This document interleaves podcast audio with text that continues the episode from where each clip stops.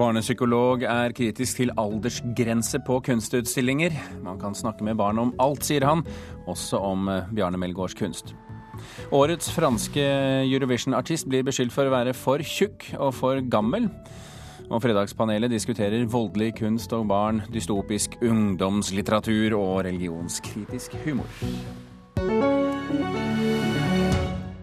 Du hører på Kulturnytt med Birger Kolsrud Jåsund i studio.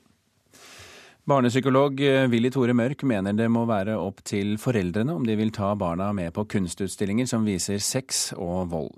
I en utstilling på Munch-museet i Oslo vises Munchs kunst sammen med kunst av Bjarne Melgaard, med eksplisitte seksuelle og voldelige motiver. Aftenpostens kunstanmelder Kjetil Rød har foreslått en aldersgrense på utstillingen, men de besøkende på Munch-museet er enige med psykologen. Det er jo tøffe ting å se på, det er det jo. Ehm, jeg personlig tenker at kunst, kunst er kunst. Ehm, jeg syns ikke det er nødvendig med en aldersgrense. Hvis man prøver å sette det i en sammenheng, så tror jeg det er mulig også for eh, barn å se dette her. Men det er urovekkende og veldig sterke bilder. klart det. Being of a certain age myself, I find some of it a little shocking. But, but maybe today's youth, it's okay. I, don't, I wouldn't really like to make that decision. Det sier noen av de som var innom utstillinga Munch pluss Melgaard, 'The End of It All Has Already Happened', på Munch-museet i Oslo i går. Der kan en bl.a. se seks dokker, måleri inspirerte av bilder fra et pedofilt magasin, og framstillinger av seksualisert vold. Det jeg egentlig reagerer mest på, er et bilde av et avkappet hode. Og en scene i videoarbeidet som ligger innerst i utstillingen, hvor det er en person som skjærer seg i tunga.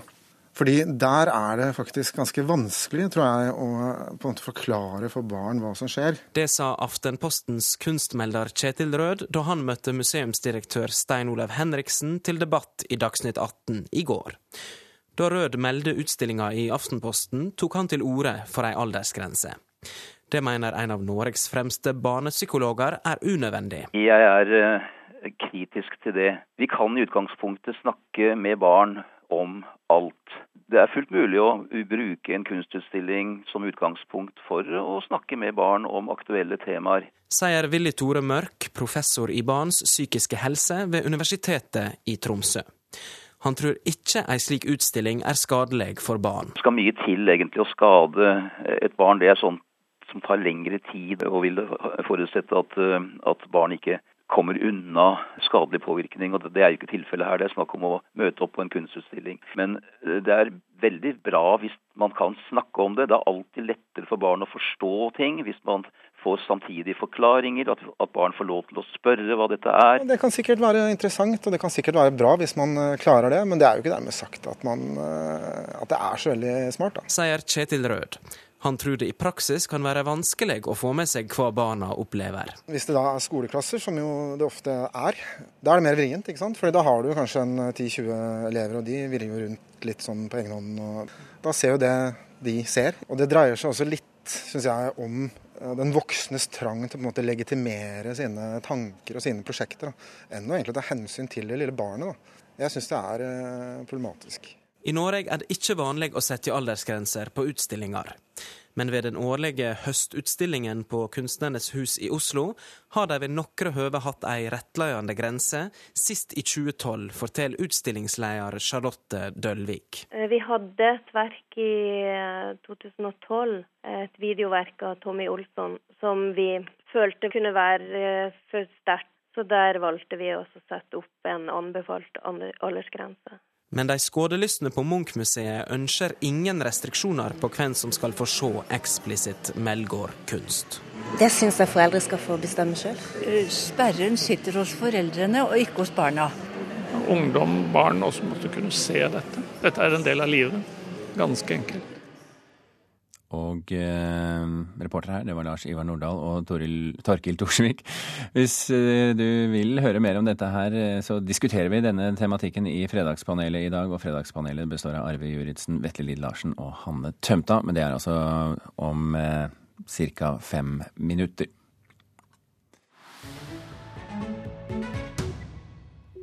Den spanske regissøren Isabel Coixé er skuffet over Norge som opptaksland.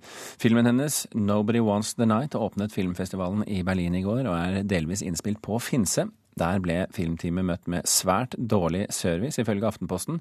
KXE beklager også sterkt at verken Filminstituttet eller private norske krefter ønsket å investere i filmen. Og dermed ble innspillingstiden i Norge halvert, og flere vinterscener ble isteden spilt inn innendørs i Bulgaria og på Tenerife. Do you have any interests outside of work? What about you? I'd like to know more about you. Flere amerikanske organisasjoner oppfordrer kinogjengere til å donere 50 dollar til kampen mot kvinnevold, istedenfor å se filmen Fifty Shades of Grey, som du hørte fra her. Filmen, som er basert på bestselgerboken til E.L. James, har blitt beskyldt for å normalisere voldelige parforhold. Tross at filmen først har premiere om en uke, så er det allerede solgt i underkant av tre millioner billetter internasjonalt. En skoledagbok for elever i videregående skole får den tvilsomme æren av å vinne prisen Årets gullbarbie for 2014. Prisen deles ut av Redd Barnas ungdomsorganisasjon Press. Den skal gå til den, som det heter, reklame- eller medieaktøren som er best på å få ungdom til å føle seg verst. Prisvinneren er stemt frem via nettstedet til Press. De to andre nominerte var klesmerket Bjørn Borg og optikerkjeden Synsam. I 2014 hadde elevkalenderen et opplag på 173 000 eksemplarer. Jenter som kjøper skolevesker til flere tusen kroner, er en del av en større forbrukertrend. Det mener trendforsker Gunn Helen Øie. Denne uken har vi eh, nok en gang latt oss provosere av unge jenter som bruker masse penger på dyre skolevesker, men vi må ikke blande sammen moral og mote, mener stylist og modellbyråeier som vi har snakket med. Vi kan mate en, et helt by med en veske. Så det er ingen moral i, i mote. De vil tjene penger. Amar Faiz er stylist, driver et modellbyrå og lever av å markedsføre mote. Han tror kyniske, luksuriøse motehus er storfornøyde med at unge jenter kjøper deres produkter. Før var det bare Karrierekvinnen, nå er det faktisk dattera til Karrierekvinnen òg. Denne uken har debatten rast i norske medier. Ungdom helt ned i barneskolealder føler seg presset til å eie merkeklær og vesker til en pris på opptil 9000 kroner. Ifølge Faiz er motehusene bevisste på å nå de unge, bl.a. ved å promotere seg gjennom bloggere og forbilder. Det er bevisst valg på hvilke bloggere de skal gi veskene til, hvilke kjendiser skal gå med det, og hva slags målgruppe de tilretter. Så det er kun penger som er viktig i motebransjen? Selvfølgelig. Vi alle er inne her for penger. Og penger får de. Etter at eh, finanskrisen herjet i Europa i 2008, vendte de store motehusene blikket mot kjøpesterke Norge. Jeg tror ikke så mange av den norske ungdommen visste om Michael Kors for eh, ti år siden. Gunn Helen Øie forsker på trender og luksusvarer. Hun har bl.a. gjennomført en merkevareundersøkelse som viser at dyre skolevesker er et voksende fenomen. Mange av de merkene nå som florerer eh, rundt på unge jenters lepper, var helt fraværende i, bare for fem år siden. Nordmenn bruker en større og større andel av pengene sine på klær, vesker og sko. Statistisk sentralbyrå sin forbrukerundersøkelse fra 2014 viser at forbruket av denne typen varer har firedoblet seg på 20 år. Jeg kan vise deg en her nå. Jeg er utsolgt for sort for øyeblikket. Men jeg har denne her som er i sommermønstre.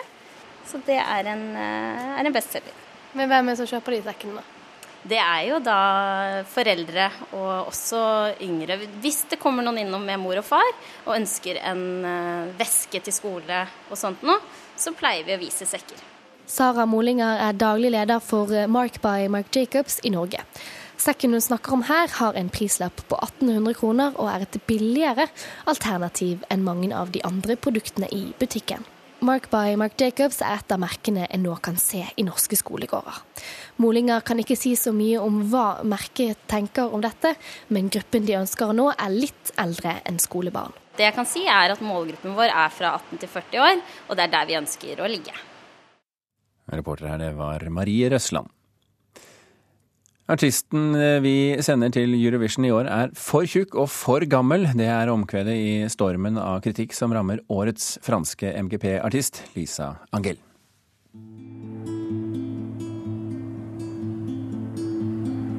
Il ne me reste que des larmes a choisi euh, Lisa Angel. Je pense que ça n'a aucune importance, l'âge et le poids. Det är inte Lisa Angels former eller ålder som ska bedömas i Melodi Grand Prix, utan det är hennes sång, N'oubliez pas, säger Nathalie André, chef för underhållningen på franska TV2. Balladen N'oubliez pas, glöm inte, är dramatisk och texten handlar om att man aldrig ska glömma första världskrigets fasor, även om det gått hela 100 år sedan dess. Lisa Angel er kjent siden fem år tilbake, og hennes stemme jamføres med Céline Dions. Fysisk jamføres hun ofte med britiske artisten Adele. Even om bidraget får god kritik i allmennhet i Frankrike anklages derimot 46-årige Lisa Angel for å være for rund og for gammal. I fransk press har man letat upp följande elaka kommentarer. Ett äckligt val rasar tv-stjärnan Enora Malagré på privata kanalen D8. Frankrike kommer att komma sist med en tjock gammal kärring, säger parisaren Christophe i fransk radio. Lisa blir årets miljöförstöring i Eurovision, skriver Pascal på en internetsajt. Och musikälskaren Marin säger till Kulturnytt att sångerskan är ful. Hon är alldeles för fet och saknar glitter och glamour. Ah ouais, vieille grosse, ouais. oui, c'est pas glamour, quoi. C'est pas du rêve, etc. Frankrike har inte vunnit Grand Prix sedan 1977 och efter förra årets sista plats hamnade landet i ett otroligt Eurovision-trauma. Frankrike hade aldrig tidigare kommit sist och detta blev en enorm skandal. Kritiken haglade över trion Twin Twin och låten Mustache. Franska TV3 straffades och förlorade rättigheterna till programmet. Nu tar den större public service-kanalen TV2 över.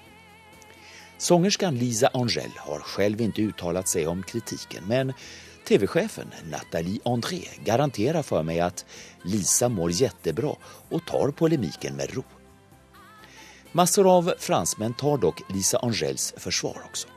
31-årige parisaren Dimitri Salmon är en av dem och han säger till mig efter att flera miljoner fransmän manifesterat för yttrandefrihet efter attentaten nu i januari så är kritiken uttryck för dubbelmoral, tycker Dimitri som är en stor musikälskare. Han tycker att Lisa Angel är en snygg, rund kvinna. Jag älskar låten och hon sjunger jättebra. Jag hoppas att Frankrike vinner i Wien, säger Dimitri. Alors Lisa Angel, elle a tout, elle a un très beau texte, une très belle mélodie et une voix superbe. Et j'espère bien qu'elle va gagner.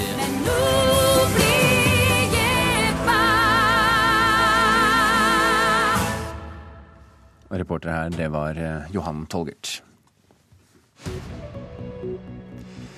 Klokken eh, er 16 minutter over åtte. Du hører på Kulturnytt, og dette er toppsakene toppsaken i Dagsnytt nå.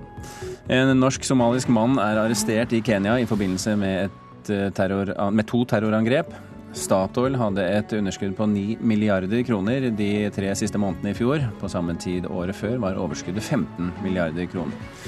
Og flere barn blir født av utenlandske kvinner her i landet. Forskere frykter at dette kan føre til mer barnefattigdom. Og da har vi kommet til dagens eh, fredagspanel, som har eh, samlet seg her. Og fredagspanelet i dag det består av eh, Vetle Lid Larsen, Arve Juritzen og Hanne Tømta. Velkommen alle sammen. Takk, takk. Hei. God morgen. Alt vel? Fredagen har så langt behandlet dere ordentlig? Ja. Det er vinter og fint. Vinter og fint. Veldig god kaffe i NRK i dag. Der har det vært skikkelig bra utvalg av bønner. Jeg, jeg, er glad for at du ser det på den måten. Mm. Vi går rett løs på første spørsmål, og vi tar tiden tilbake til begynnelsen av sendingen. Som vi hørte tidligere i dag. Aftenpostens kunstanmelder vil ha aldersgrense på Munch pluss Melgaard-utstillingen på Munch-museet. Innslag av seksualisert vold, avkappede hoder, avskårne tunger og knyttnever opp i kroppsåpninger som naturen har konstruert for helt andre ting, det er noe av det barn og andre vil bli møtt med. Vi hørte barnepsykolog Willy Tore Mørk si at det må være opp til foreldrene å ta med barn på kunstutstillinger. Spørsmålet vårt er er dere enig med kunstanmelderen eller med Willy Tore Mørk? Skal jeg ikke svare ja eller nei, eller? skal svare enig. Det var første gang øh, Nei, altså jeg er enig med øh, ingen av dem, for å si det sånn. Ok. Gjesp. Og Tømta? Nei, nå har jeg også skjønt det ble for komplisert for meg nå. Jeg men, tror kanskje ikke at jeg hadde tatt med min sjuåring på dette, for å begynne der. Da vil jeg si at du er mer eh, enig med kunstanmelderen i Aftenposten. Og i så fall, hvorfor vil du ikke ta med sjuåringen?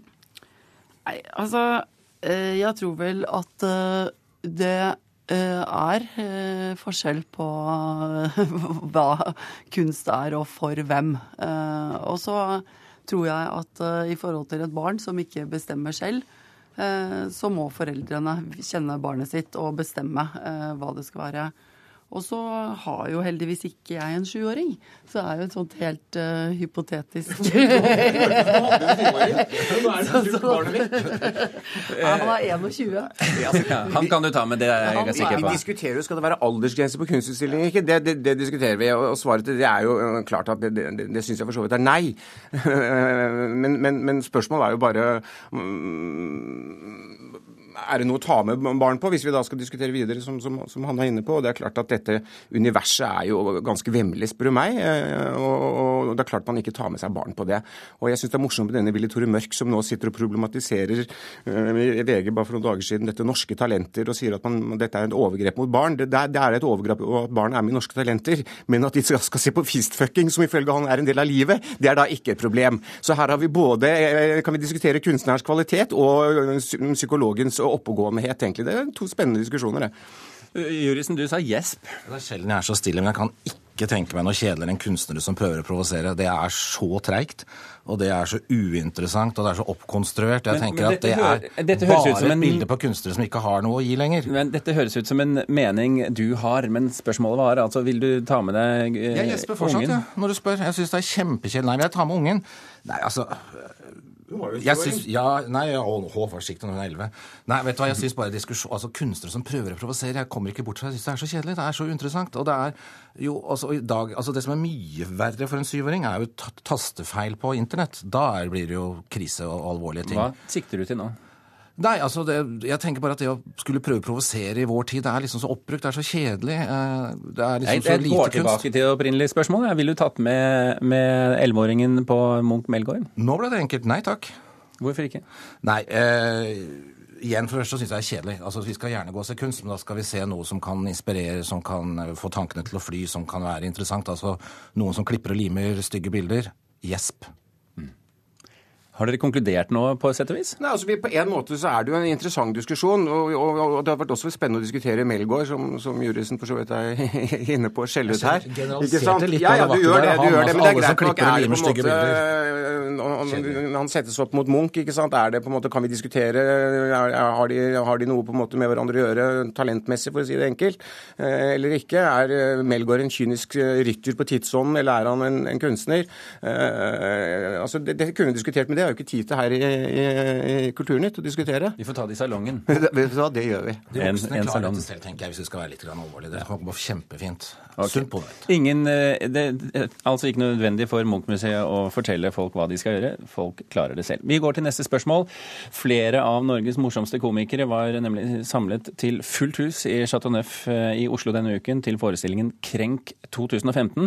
Og sammen med publikum ville de tøye strikken for eh, vitsing med religion så langt det kunne la seg gjøre. Spørsmålet vårt er i dag, og håper dette spørsmålet er enklere for dere. Er det på tide å tøye grensene for hva vi kan spøke med når det gjelder religion? Nei.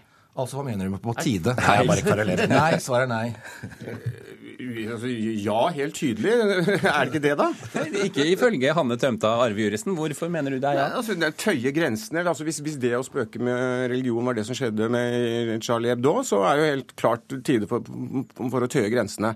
Eh, Men, men, men, men, nå har jo på en måte da krist, de kristne her i dette landet har jo opplevd eh, vitsing og, og, og spøk, dels gråkorn og usmakelige ting i årevis, og de har ennå ikke drept noen, så langt jeg kan se. Så her hjemme har de kanskje fått sin dose, men det er vel da visse, tydeligvis visse religioner og visse ting som, hvor grensene absolutt må tøyes videre. Det, det tror jeg nok vi kan si.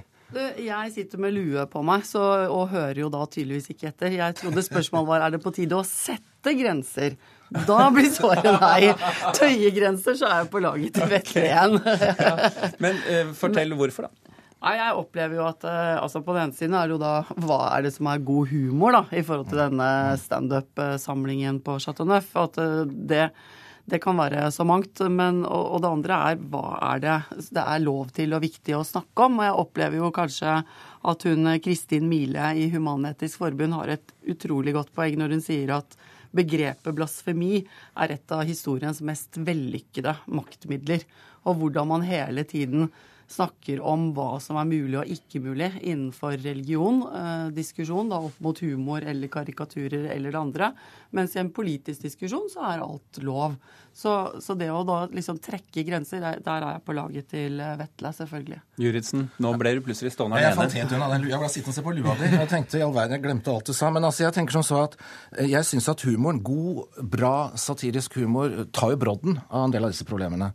Uh, og jeg tenker at Det er veldig fint. Det kommer litt an på hvem du spør, vil jeg tro. Ja, ja nå, nå spurte jeg meg selv, og da fikk jeg som svar at det syns jeg. Uh, absolutt. Jeg er helt enig med meg selv. Men, uh, og vi så jo, det var jo litt sånn lullaby-stemning der oppe på denne krenk. Alle menigheter og religioner holdt hverandre i hånda og syntes at dette var fint. Og da tenker jeg at da har vi fred. Det er fordragelighet. Veldig bra. Det, det, er jo merkelig å kalle inn ting altså Jeg har veldig sans for Bård Tufte og alt, alt altså, så det jeg har sagt, men å kalle noe liksom krenk Det er på en måte som å kalle en restaurant for kjøtt eller slafs. Det er det også. Det er på en måte, Vi liker omskrivningen, ikke sant? Så Begge restaurantene fins jo. Ja, de gjør det.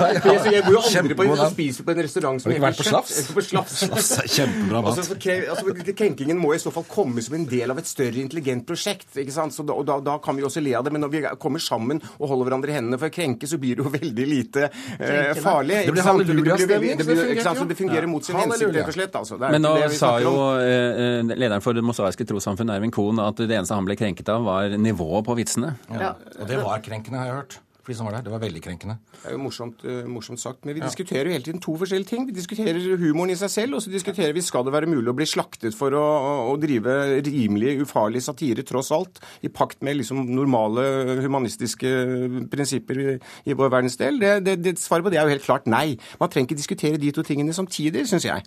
Det blir en diskusjon om diskusjonen, kjenner jeg. Det er interessant. Skal vi ta diskusjonen om diskusjonen? Vi tar diskusjonen om diskusjonen om diskusjonen. Ja. Jeg foreslår at vi heller går til neste spørsmål. Er det noen som har noe imot det? Eh, det må vi diskutere. ok. Ungdomslitteraturen blir dystrere og mørkere, sier både forfattere og forståsegpåere i Kulturnytt denne uken.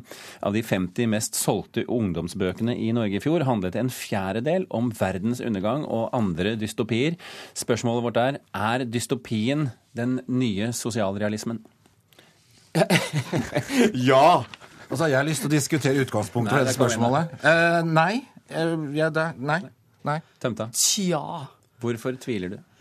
Nei, altså, jeg, jeg, vet ikke. På en måte så er det jo noe i premisset her også, da. At fordi at det er de bøkene som selger mest, så er det sånn er det er. Nei, du, det er så bra. Nei, det var en fjerdedel. Det var, ja, kom, kom altså, tydelig frem av spørsmålet. Vi sier jo fjerdedel mest. Må ta det, ja, fjerde, ja, fader.